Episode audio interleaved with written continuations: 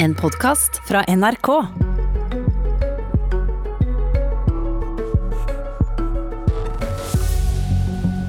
Plutselig kjemper både storting og regjering mot vindmøller. Men eh, hjelper det når de kjemper mot sine egne gamle vedtak? Det skal vi utfordre energiministeren og Senterpartilederen på. Men vi starta med storstilt eh, jubileumsmarkering, for Senterpartiet fyller 100 år i dag. Gratulerer med dagen, Trygve Slagsvold Vedum. Tusen hjertelig takk for det. Uh, så skal vi ha den store festen til høsten pga. koronaen. Ja. Uh, og så skal jubileumsmarkeringa gå på at jeg skal reise rundt i hele Norge og snakke med folk, lytte og ha masse arrangementer når måtte, koronaen har sluppet taket. Så jeg gleder meg til høsten og, og møte folk og diskutere politikken. Og du har allerede begynt med å spise is i dag, har du avslørt. Vi eh, skal ta litt Ja, is i dag tidlig. Det er jo ikke så veldig sunt, men jeg tenkte i dag er det bursdag, så da tok jeg en liten is i pendlerleiligheten. Og det var da norsk fløte, det var godt, det ja, var nydelig. Det var et landbruksprodukt. Nå er vi i gang. Og, og, det skaper industriarbeidsplasser i Norge, og det er jo kjernen av det jeg er for, så da kunne jeg få litt bedre samvittighet. Da, da er vi i gang. 19.6.1920 ble Bondepartiet stifta, som er en partipolitisk forlenging av bondeorganisasjonene. Med stadig færre bønder her i landet, så skulle en jo kanskje tro at grunnfjellet kunne smuldre opp, men det moderne Senterpartiet er jo et maktparti i norske lokalsamfunn, og et av de viktigste i rikspolitikken. Eh, hva ser du sjøl som grunnen til at Senterpartiet har klart å bli større og viktigere enn de opprinnelige kjerneinteressene? Vi er jo et parti som kjemper en kamp for at man skal kunne ha gode lokalsamfunn rundt omkring i hele Norge. Eh, og det som har vært kanskje den store diskusjonen de siste åra, er jo skal vi ha politi, sykehus, de grunnleggende tjenestene nært der folk bor. Og Derfor er vi et verktøy for veldig mange ulike interesser. Alt fra sykepleieren til politimannen til som jobber i Forsvaret, til drosjesjåføren som merker at sin hverdag blir mye mer krevende. Han som kjørte meg opp hit nå i stad, for han opplever en politikk som forsterker forskjellene mellom folk. Og så har vi også en, en stolt tradisjon på at vi er matpartiet. Og klart Gjennom mat så har vi skapt en næringsmiddelindustri, en industripolitikk, nasjonalt eierskap. Hvordan kan vi bruke norsk natur til å skape arbeidsplasser og verdier i hele Norge. og da Hamat var kjernen, og så har det vært en utvikling da til å bli et bredt industriparti som uh, veldig mye arbeidsfolk som lever i den praktiske hverdagen, sier at Senterpartiet har svara. Hvis du driver med praktisk arbeid og ønsker å utvikle hele landet, så er Senterpartiet det beste verktøyet. Det, Men dere har ikke egentlig som politiske motstandere en ideologi. Uh, hva er den konstante kjernen da gjennom 100 år? Den konstante kjernen er at det må sikre nasjonalt eierskap nasjonalt eierskap til naturressursene, og at nasjonalstaten er den beste ramma. Det nasjonale. Og, og den nasjonale ramma i Senterpartiet har vært at vi har en nasjonalstat der vi løfter hverandre. Om det er fra Vardø i nordøst til Lindesnes, så har vi hatt en politikk der vi skal løfte Eh, uansett hvilken bakgrunn du har, uansett hvor du bor i Norge, skal du ha noe av de samme mulighetene. Og så mener vi da at nasjonalstaten er en veldig god ramme for et levende folkestyre og en forutsetning. Og I Norge har vi hatt en inkluderende nasjonalstat, et, et, et inkluderende folkestyre, der det ikke skal være ekskluderende. Og Der er vi heldige for at vi har tradisjonen fra liksom, Henrik Wergeland og den kampen som sto liksom, mellom folkestyre og embetsmannsstat, som Senterpartiet står veldig sterkt i. Og Noe av det som har vært den store konflikten med dagens regjering, er at vi mener at de har latt altfor mange beslutninger komme til byråkratiet, at lokalsamfunnet har blitt overkjørt. og Kanskje det verste eksempelet er jo den regionreformen. Som ingen lokalt ønsker, men som noen få da i Høyre, KrF, Venstre, Frp syns var smart, og så trer den det nedover hodet på folk. Ok, Der ser du iallfall noen store linjer, hvis vi skal holde oss litt i historien, da. Eh, men ganske tidlig i partiets historie så kom den litt mørkere delen av partihistorikken. I, i mellomkrigstida på 30-tallet eh, så fikk partiet regjeringsmakt, Bondepartiet som det da heter. Eh, partiet henta inn den da ukjente offiseren Vidkun Quisling som forsvarsminister. Partiets ene statsminister i mellomkrigstida, Jens Hundseid, gikk senere inn i Nasjonal Samling. Trolig ble han trua til det, men han ble dømt i Landsvik-oppgjøret. I Nasjonens ti siders jubileumsekstra i dag står det om denne perioden at ulike typer nasjonalisme sto mot hverandre, og at partiet på denne tida hadde en nasjonalistisk fløy som grensa til å ha fascistiske trekk. Hvordan ser du på dette i dag? Det der er jo veldig interessert i. Hele norsk politisk debatt på 20-tallet og 30-tallet. Og de enorme brytningene som var da. Og det er mange både holdninger, standpunkt som jeg er sterkt uh, uenig i, og djupt uenig i. Og det som var bra, da, hvis du ser eh, Norge hele 30-tallet under ett, og også i mitt parti, var hvilke krefter som til slutt vant. Uh, og det som var det kanskje noe viktigste som skjedde i Bondepartiet på 30-tallet, var jo kampen som den ene fløya partiet kjempa, som leda fram til kriseforliket mellom da Bondepartiet og da Arbeiderparti, som gjorde at man fikk en politikk som skulle utjevne forskjeller mellom folk, I trygghet for arbeidsfolk, trygghet for småkårsfolk på bygda, skape en lik, likeverdighet. Og jeg tror Noe av det viktigste som skjedde for norsk politisk ettertidshistorie, var nettopp det. For det ble en motgift mot fascisme. Og at vi aldri fikk et stort fascistisk parti i Norge fordi at man klarte å finne sammen på midten av 30-tallet og ha en utjevningspolitikk. Og Det har vært den stoltheten i norsk politisk historie, er at vi har hatt en politikk der Senterpartiet har vært en viktig drivkraft for å utjevne forskjeller. Og det begynte egentlig veldig mye med den politikken vi har sett etter krigen, begynte i 35. Så 30-tallet er det sterke brytninger, det er uttalelser jeg er sterkt, sterkt uenig i.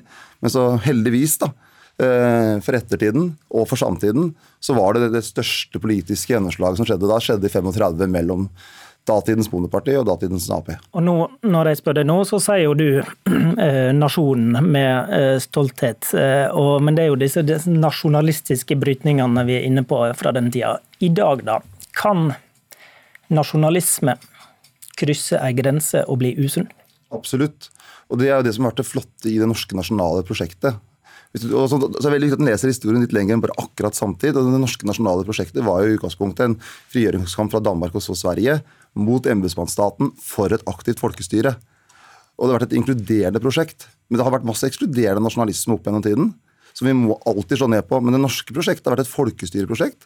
Og at vi også skal bruke naturressursene landet vårt er så rikt på, til å løfte mange. At det ikke bare er noen få som skal få glede av det, men at vi alle skal få glede av det. At vi skal utvikle alle deler av Norge. og det... Vi skal diskutere naturressurser nå. Eh, vindmøller. Eh, handler det om aktivt folkestyre? Det handler om aktivt folkestyre. Det, for det som er noe av suksessen i Norge, er at vi har hatt en respekt for det lokale. Helt fra mm -hmm. formannskapsloven, egentlig. At man ikke skal overkjøre lokalsamfunn, for da får man mye sinne, mye motstand. Og jeg tror noe av nøkkelen for å dempe konfliktene rundt eh, vindkraftutbygging, er at lokalsamfunnet får mer makt kan si fra, sette klarere eh, vilkår, og samtidig at de får større inntekter. At det er de kommunene som setter av areal, de skal oppleve at de får mer penger, mer inntekter, som gjør at de kan bruke på skole, sykehjem, andre ting i sitt okay. lokalsamfunn. Så at de tjener på at naturressursene eh, blir brukt, men at det ikke er noen få, men at det er mange som gjør det. Da er vi i gang. I dag legger olje- og energiminister Tina Bru fram stortingsmelding om vindkraft. I går fortalte hun gjennom NRK at hun har lytta til den store motstanden mot flere vindkraftverk, og kommer med historiske innstramminger. Eh, fra en konsesjon om bygging er gitt, til gravemaskinene ruller inn, skal det gå maks to-tre år. Det sa du i går, Tina Bru. Hva oppnådde du med det? Altså jeg tror at eh, Det vi ser er jo at Mye av kjernen til konflikt i de sakene som er aller mest betent nå, handler jo om at det er veldig mange år siden den konsesjonen ble gitt, eller siden det prosjektet ble en gang tenkt på, eh, til man faktisk begynner å bygge.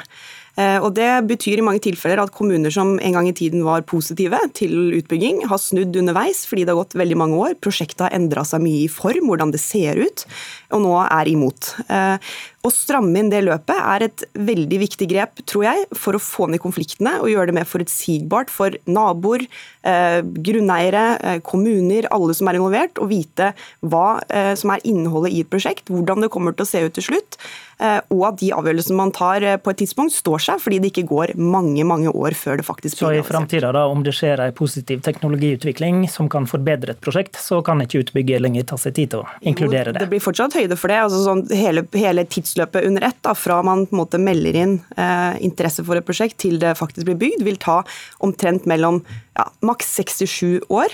Eh, men i dag så har man jo et system hvor det i verste fall kan gå 10-15 år. Og Det er en vesentlig forskjell. Det betyr ikke at man ikke skal ha rom for også teknologiutvikling, men det betyr at man setter noen eh, strengere krav eh, i prosessen, og jeg tror det er bra. Og nå har det jo skjedd masse utvikling på teknologisiden for vindkraft. Og det ligger til grunn også for framtiden, men vi må ha et strammere løp på det. Men vil innstramminga det gi mindre utbygging? Jeg tror vi kan forvente oss en ganske moderat utbygging av vindkraft i åra fremover. Eh, det skyldes flere ting. Det ene er at eh, mye av det som har drevet utbygging i Norge over flere år, har jo vært at det har vært et eh, subsidiesystem på dette. Men, et... men det du foreslår nå, vil, det, av, vil du at effekten av det skal være mindre utbygging? Altså er, vi legger ikke opp til verken et måltall på hvor mye, mye, vindkraft man skal ha eller ikke. Det kommer til å være markedsstyrt. Men som sagt, når subsidiesystemet opphører, avskrivningsreglene som er veldig gunstig også opphører, eh, og markedet skal styre det mer, og med da et strammere konsesjonsbehandlingssystem i tillegg, så vil vi nok se mindre utbygging i åra fremover enn det som har vært tilfellet. Så det du legger fram, du tror konsekvensen, en del konsekvenser av det vil være litt eh, mindre utbygging? Det tror jeg, ja. Ok. Trygve Slagsvold Vedum, hva syns du om Brus forslag? Det syns jeg er et klokt forslag. Det å altså kunne stramme opp eh, fra du får en konsesjon til det skal bygges ut. Så det, det er noe vi i Senterpartiet kommer til å støtte. Så er det sikkert mange andre ting i meldinga som vi får diskutere, men akkurat det punktet syns jeg er et klokt forslag som jeg vil tippe alle partier på Stortinget legger seg bak. Mm, men i dag støtter du et SV-forslag som kommer opp i turbofart i dag, om å gå gjennom alle de gitte vindkraftkonsesjoner. Hva oppnår en med det? Det er, det er så mye uro rundt mange vindkraftprosjekter. Og det også blir stilt mange spørsmål. Ja, er eh, konsesjonene brutt? Er de holdt? Eh, er de i samsvar med det som egentlig var vedtaket? Og det mener jeg det er klokt at det bare vi gjør et vedtak på Stortinget, departementet går igjennom det raskt.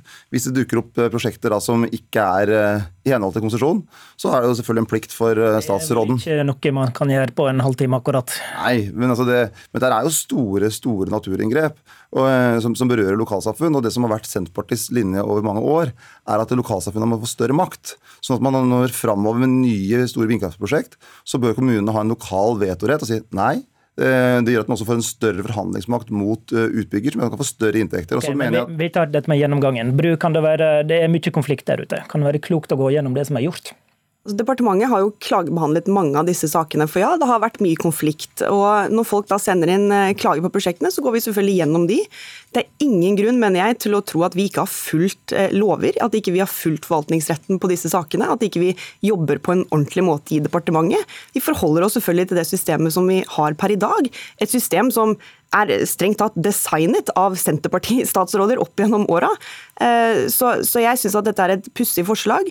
Vi har en god forvaltning i Norge. Vi har eh, dyktige fagmennesker som sitter og gjør disse vurderingene, og vi bryter ingen lover. Og det er ingen grunn for meg til å tro i dag at vi har gjort noe i departementet som ikke har vært en grundig saksbehandling. Vi går grundig inn i alle disse sakene. Vedum, mye av grunnen til at det er mange prosjekter på gang, er jo at den rød-grønne regjeringa innførte grønne sertifikat som gjør det økonomisk gunstig å bygge ut. Forutsetter ikke du da med å støtte dette forslaget, at, eh, at man skal eh, liksom, gå gjennom ting som konsesjoner som var gitt i din periode, og du forutsetter at det er gitt på feil grunnlag og med for dårlig saksbehandling? Det er ikke noen forutsetning, det. Altså, veldig mange av de eh, konsesjonene du, du, setter jo lys på, jo, må, på løyvinger som er, nei, på konsesjoner som er gitt i din periode. Jo, men Det må man jo ikke frykte. Hvis en eh, har makt, så må man jo ikke frykte at det blir satt lys på de beslutningene man har tatt. Og Hvis det da har vært noen eh, for eksempel, endringer i premisser etterpå, så må man jo da se på det. Og Hvis det er ting som har skjedd som ikke er i samsvar med konsesjon, så må man jo da justere overfor de utbyggerne. Dere må gjøre justere prosjektet sånn og sånn. Så dere ikke hva dere åpna for når dere Poenget er at Hvis du ser det som har skjedd på vindkraft eh, fra da til nå, er jo en helt enorm teknologisk utvikling. så den Altså, det er Hvis naboen din sender en byggesøknad og sier at huset skal være fem etasjer, men pga. teknologisk endring så er det plutselig på ti etasjer. Og Det er egentlig det som har skjedd på vindkraft. Det kunne vel dere begrensa? Men det er jo derfor det kan være naturlig når det er så mye uro som det er nå. Gå gjennom konsesjonene, se er det noe feil. Hvis det ikke er noe feil, så går det videre. Men så må vi også ha en diskusjon framover. For hvordan kan vi klare ja, men, eh, la, Nei, la Bru få svare på det. La Bru få svare på det. Vedum, mer Vedum, ja, og det er nettopp derfor jeg gleder meg masse til å legge frem denne stortingsmeldingen senere i dag. For dette er en historisk innstramming. Det er det stort behov for. Vi har hatt mye vindkraftutbygging de siste åra. Som Trygve selv sier, det har vært en stor teknologisk utvikling. Det er grunn til å gjøre det.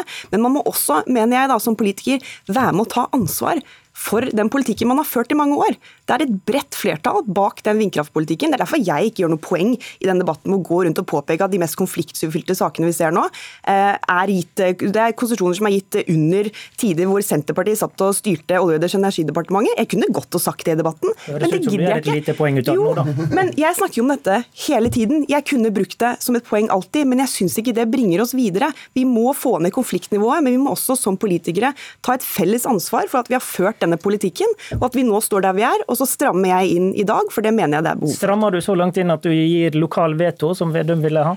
Eh, jeg kan ikke gå inn på alt vi legger frem eh, senere i dag, men vi adresserer alle disse eh, tingene. Men det jeg kan si, er at en stor rød tråd i denne meldinga er nettopp å gi mer lokal forankring, bedre medvirkning, at kommunene og fylkene skal få en sterkere hånd okay, på dette. Det, det, er vel det Senterpartiet vil ha? Altså, vi mener at en lokal vetorett, og så må man også en lokal beskatningsrett, større mulighet til å få lokale inntekter tilbake til lokalsamfunnet.